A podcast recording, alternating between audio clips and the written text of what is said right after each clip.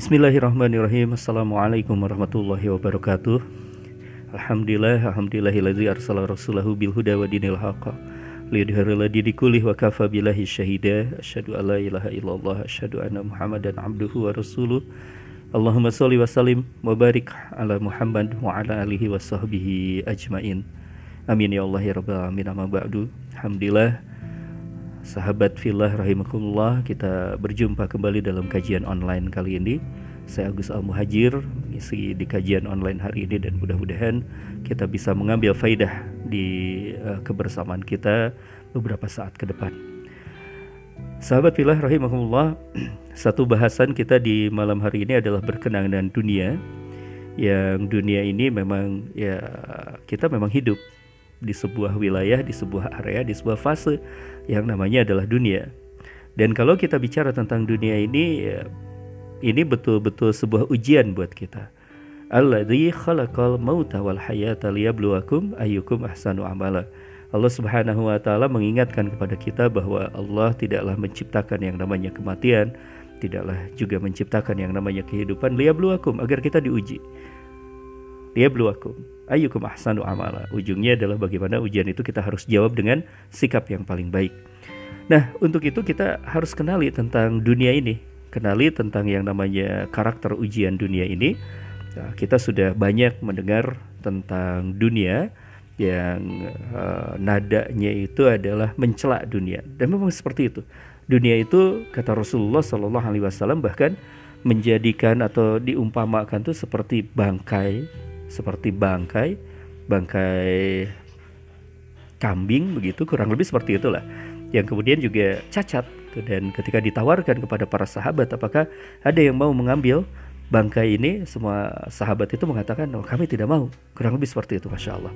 Uh, Rasulullah Shallallahu Alaihi Wasallam juga mengingatkan di dalam beberapa sabdanya. Misal ada yang diingatkan oleh Rasulullah Shallallahu Alaihi Wasallam diriwayatkan oleh Imam Muslim oleh Imam At-Tirmizi oleh Ibnu Majah juga ma adunya fil akhirati illa kama salima yaj'al hadukum usbu'ah fil yami falyandur bima tarji' kata Rasulullah Shallallahu alaihi wasallam seperti itu.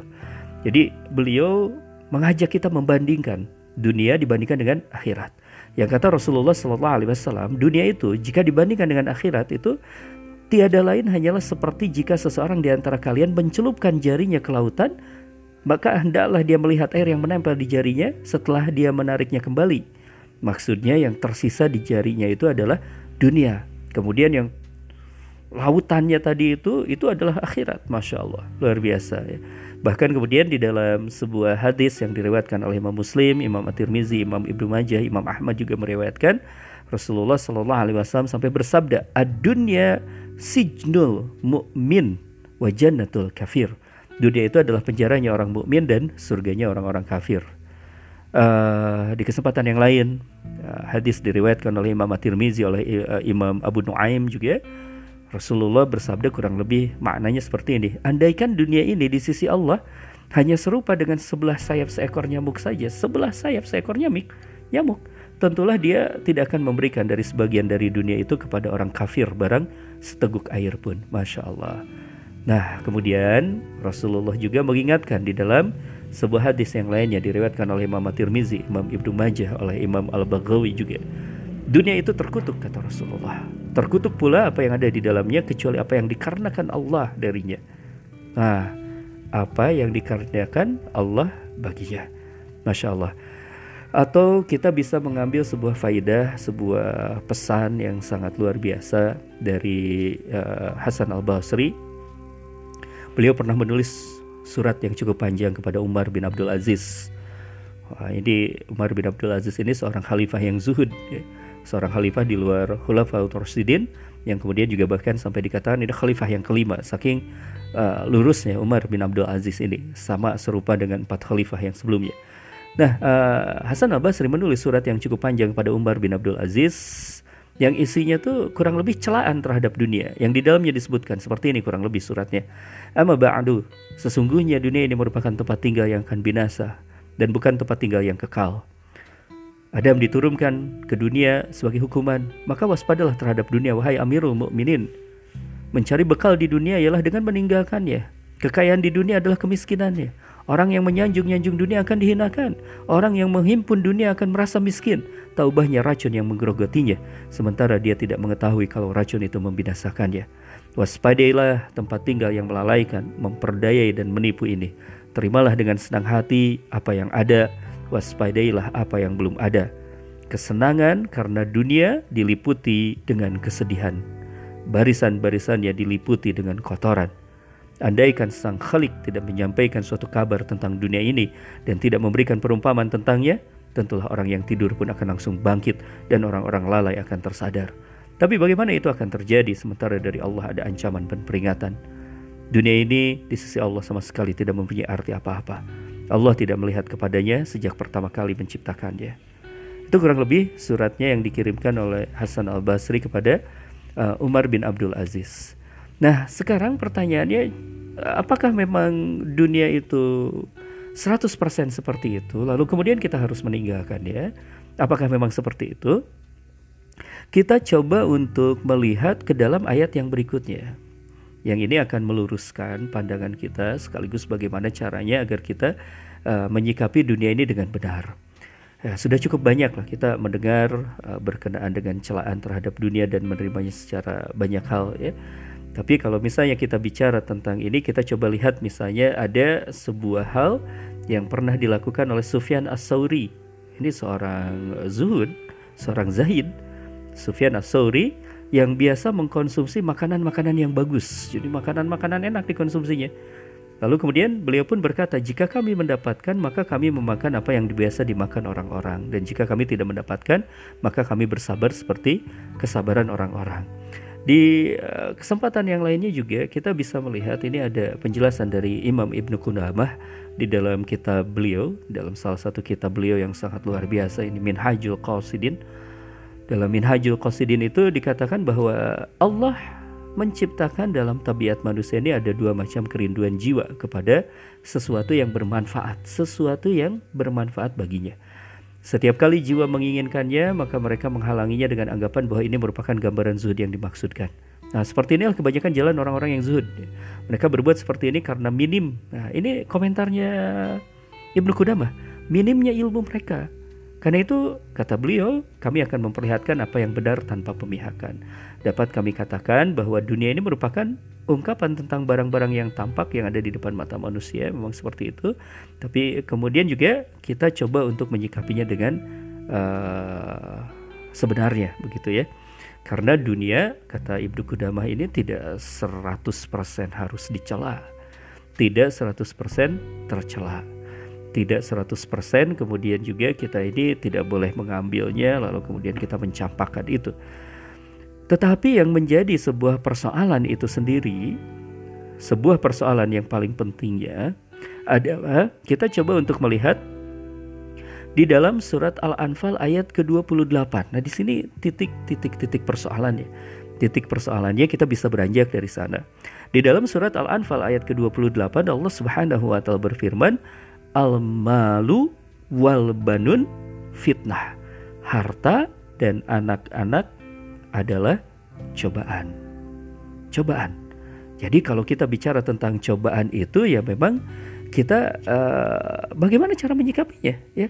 Memang uh, ini pun disampaikan oleh orang-orang salaf misalnya Yahya bin Muaz misal berkata uang atau dirham beliau menyebutnya itu laksana kalajengking jika engkau tidak bisa mewaspadai tidak bisa mewaspadainya, maka janganlah mengambilnya. Sebab jika dia sampai menyengatmu, maka racunmu bisa membunuh.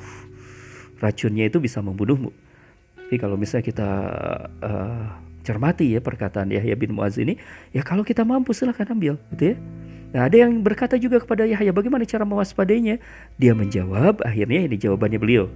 Simak ini jawabannya beliau mengatakan Yahya bin Muaz ini berkata mengambil nih ya maka untuk itu kalau engkau ingin mengambil dunia itu ambil dengan cara yang halal. Ambil dengan cara yang halal dan letakkan sesuai dengan haknya. Sesuai dengan haknya sesuai dengan kebutuhannya. Dia juga berkata ada dua musibah yang menimpa hamba karena hartanya saat dia meninggal. Yang tidak pernah didengar manusia seperti itu. Apa itu dua musibah itu? Ada seorang yang bertanya kepada beliau. Dia menjawab, dia meninggalkan semua hartanya dan dia akan ditanya tentang harta itu. Artinya harta yang memang tidak ada fungsinya. Harta yang memang hanya ditumpuk-tumpuk tidak ada maksudnya. Gitu ya. Harta yang memang ya dikumpulkan karena apa? Karena khawatir terhadap dunia. Nah, itu yang tercela. Nah, kemudian juga untuk itu kalau bicara tentang uh, harta ini, tentang dunia ini, maka kalau kita uh, ingin menyikapi ini dengan baik, uh, ini ada beberapa nasihat dari para sahabat dan para salaf solih.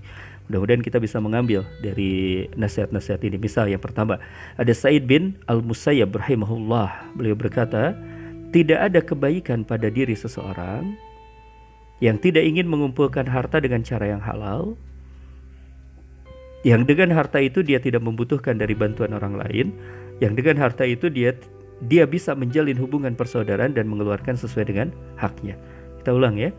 Sayyid bin Al-Musayyab rahimahullah berkata, tidak ada kebaikan pada diri seseorang yang tidak ingin mengumpulkan harta dengan cara yang halal. Berhenti dulu di sana. Tidak ada kebaikan pada diri seseorang yang tidak ingin mengumpulkan harta dengan cara yang halal. Jadi ini yang juga dikritik oleh misalnya Syekh Abdul Qadir Al-Jilani. Uh, ada para pemuda yang itu tidak mau bekerja, para pemuda yang tidak mau mencari nafkah. Dia diam saja begitu ya berlindung di balik kalimat zuhud yang itu kemudian sama Syekh Abdul Qadir Al-Jilani itu di tegur bukan seperti itu. Itu zuhud itu bukan seperti itu.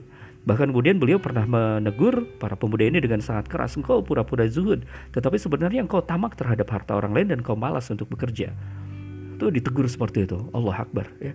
Nah uh, Said bin Al Musayyab lalu mengingatkan dengan kita mencari jalan yang halal untuk mencari harta itu, yang dengan harta itu akhirnya kita tidak membutuhkan bantuan orang lain. Ini yang menjadi maksudnya.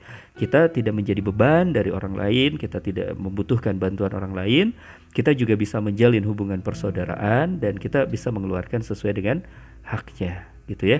Bahkan Sufyan As-Sauri itu sampai berkata, harta sekarang, harta sekarang pada zaman kita sekarang itu pada zaman Sufyan tuh Sufyan berkata, harta pada zaman kita sekarang ini merupakan senjata bagi orang-orang mukmin, senjata bagi orang-orang mukmin untuk melawan uh, pasukan salib pada saat itu, untuk melawan orang-orang Yahudi, untuk melawan orang-orang yang ingin menghancurkan Islam.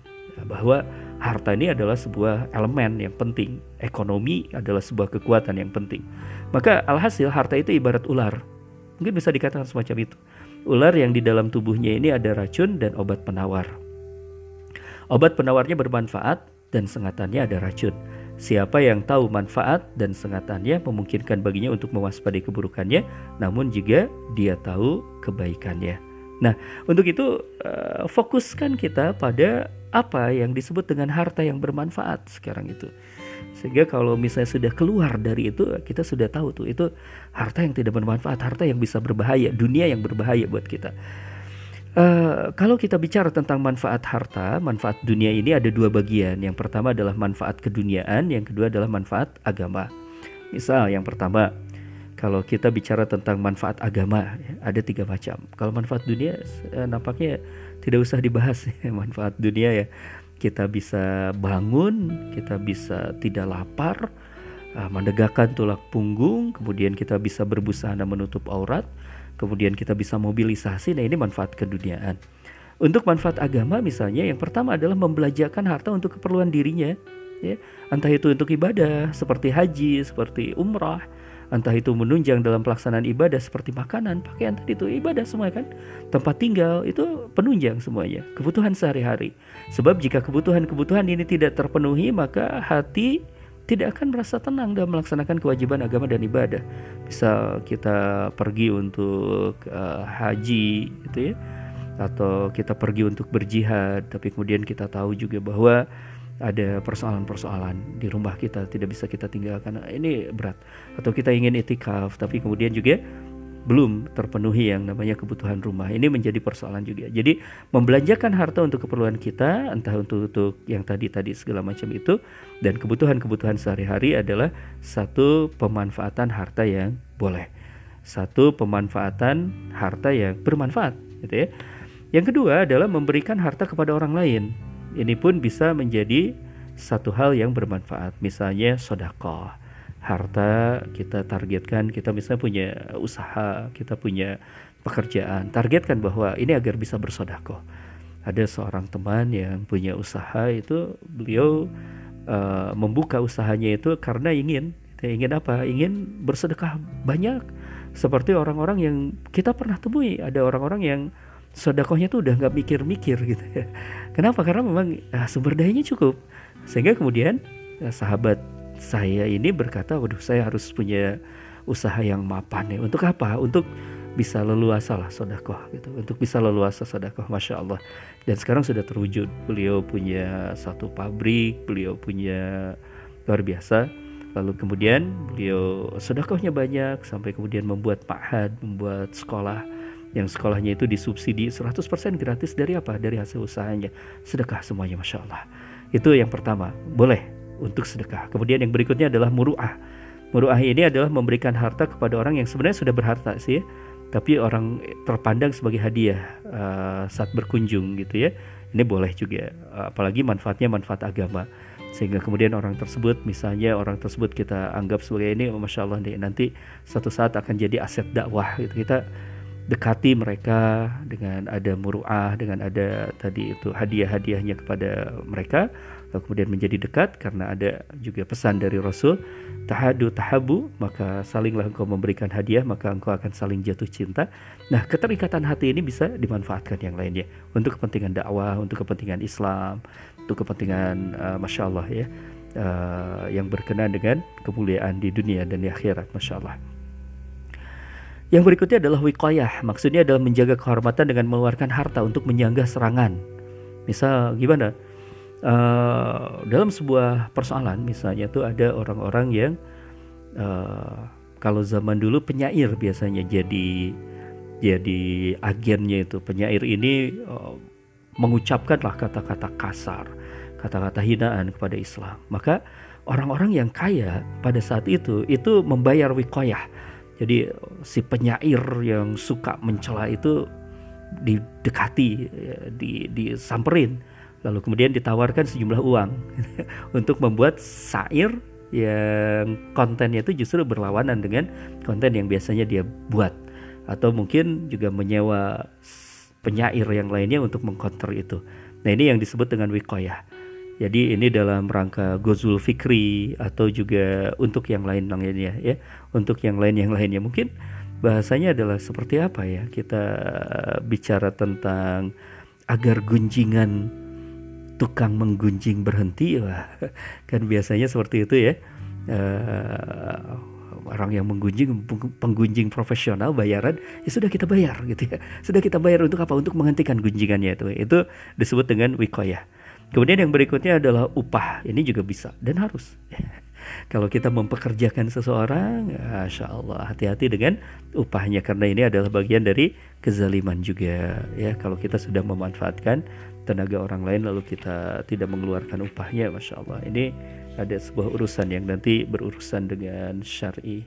Itu yang pertama. Jadi ini berkenaan dengan uh, uh, dua ya, yang pertama tadi membelanjakan harta untuk kepentingan dirinya. Yang kedua adalah memberikan harta kepada orang lain. Ini termasuk pemanfaatan harta yang bermanfaat.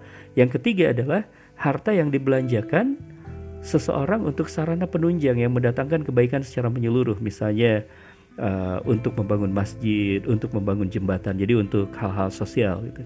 Hal ini bermanfaat dan monumental ya. Hal ini termasuk untuk manfaat agama, dan lain-lainnya. Ini luar biasa. Ini termasuk yang boleh dibelanjakan. Uh, kita misalnya punya banyak uang, cita-citanya untuk apa? Kita kuasai dunia, cita-citanya untuk apa? Kita ingin bangun sekolah, kita ingin bangun uh, masjid dan sebagainya. Ya silahkan kalau seperti itu, ada tujuannya. Ya kita merencanakan misalnya kita merencanakan tabungan pendidikan untuk anak kita silahkan kalau seperti itu silahkan karena ini juga adalah bagian dari penunjang nantinya anak-anak kita agar bisa berdaya guna di tengah masyarakat ya tapi selain itu ini yang jadi persoalan gitu ya selain ini ini ada persoalan sehingga kita harus waspadai tentang bencana harta yang berkaitan dengan agama. Apa itu? Ada tiga menurut Imam Ibnu Kudamah. Yang pertama adalah harta yang menyeret pada kedurhakaan. Nah ini yang jadi persoalan. Jadi kalau dia punya harta, misalnya seseorang punya harta, hartanya itu membawa dia pada kesombongan atau memfasilitasi maksiat. Nah ini yang tercela satu. Atau kemudian juga menggerakkan seseorang untuk mencari kesenangan dalam hal yang dimubahkan sih. Sebenarnya awalnya mubah gitu. Misal beli baju, beli sepatu, beli tas mubah itu sebenarnya. Tapi karena kemudian dia terbiasa tuh uh, akhirnya tidak tidak berbicara tentang fungsi, bicaranya tentang apa? Koleksi. Nah, ini bahaya. Kalau sudah sampai kepada koleksi baju tidak apa-apa itu mubah. Bahkan kemudian penutup orat ya aksesoris ya silakan kalau mau dipakai. Tapi kalau misalnya tiba-tiba jam misalnya kan itu termasuk aksesoris. Jam tangan misalnya. Ya silakan. Tapi kalau misalnya itu sudah menjadi koleksi aduh hari Senin pakai yang merah hari Selasa pakai yang biru dan so, ini sudah menjadi persoalan. Kenapa? Karena nantinya selera kita akan terus naik. Selera kita akan terus naik. Biasa uh, dengan barang-barang mewah biasa dengan barang-barang yang tidak ya tidak ya, melebihi fungsinya sebenarnya. Melebihi fungsinya sudah menjadi sebuah aksesoris yang terlalu berlebihan. Nah ini nantinya khawatirnya terseret. Setelah hal yang mubah lalu masuklah kepada yang syubhat. Lalu meningkat lagi ke bencana pura-pura itu. Masya Allah. Ya dengan hartanya berlimpah, bergaul dengan berbagai jenis manusia. Kalau bahasanya kita akhirnya jadi sosialita gitu ya. Jadi kemudian juga dijadikan patokan. Wah, mau bergabung dengan yang pakai Hermes. Misal seperti itulah kurang lebih ya. Jadi uh, ini yang menjadi sebuah persoalan ya uh, hal yang dibubarkan tapi hati-hati dengan itu. Kemudian yang berikutnya, yang ini yang ini yang menjadi bencana yang paling besar adalah yang akhirnya seseorang tidak bisa lepas dari harta, yang hartanya itu membuat dirinya lalai mengingat Allah. Ini kronis. Jadi kalau kerja dia hanya mikir kerja, kalau bisnis dia hanya mikir bisnis, kalau dia sedang menghitung uang, wah anteng gitu ya. Tapi kemudian kalau dia sedang beribadah, ya ini menjadi sebuah persoalan. Nah ini eh, persoalan-persoalan lainnya berkenaan dengan dunia dan ini adalah bencana yang begitu sangat besar. Jadi uh, kalau kita bicara tentang dunia yang tercela dan dunia yang terpuji ini, sentralnya adalah kita. Bagaimana caranya kita menyikapi dunia ini? Ya sentralnya adalah kita. Bagaimana cara kita menyikapi dunia ini? Kalau kita gunakan secara proporsional, kita ambil sebutuhnya, kita ambil seperlunya. Siapa yang mencukupkan diri dengan makanan pokoknya untuk sehari dua hari, tentu akan selamat dari semuanya ini. Hal ini belum lagi jika dibandingkan dengan keadaan orang-orang yang memang sudah diperbudak dengan harta seperti selalu takut, gelisah, was-was, bimbang itu. Ini insya Allah kita akan terbebas kalau kita tadi mencukupkan diri. Jadi uh, istilahnya kona'ah. Tapi uh, kona'ah itu untuk uh, ini ya, kona'ah kemudian zuhud itu proporsional. Artinya adalah di tempat yang sebenarnya ya. Siapa yang mencukupkan diri dengan makanan pokoknya itu maksudnya seperti apa? Kita sebanyak harta apa pun yang kita genggam, apalagi tadi kita bicara tentang kekuatan ekonomi, sebanyak apa pun harta yang kita genggam, kita tidak kemudian terjebak pada kehidupan yang mubazir, kehidupan yang sia-sia, kehidupan yang berlebihan. Ya. Tapi kita mencukupkan, mengambil saja buat diri sendiri, secukupnya tadi itu untuk penunjang, untuk kemudian juga proporsional sesuai dengan fungsinya. Sehabis itu kemudian kita belanjakan di jalan yang halal.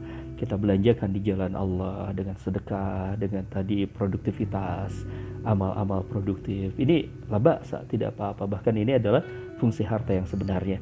Harta yang baik ada di tangan orang yang soleh adalah jauh lebih baik. Ya. Tapi kurang lebih seperti itu dulu untuk awalan mudah-mudahan bermanfaat untuk kita semuanya. Subhanaka Allahumma wa bihamdika asyhadu an la ilaha illa anta astaghfiruka wa atubu ilaik.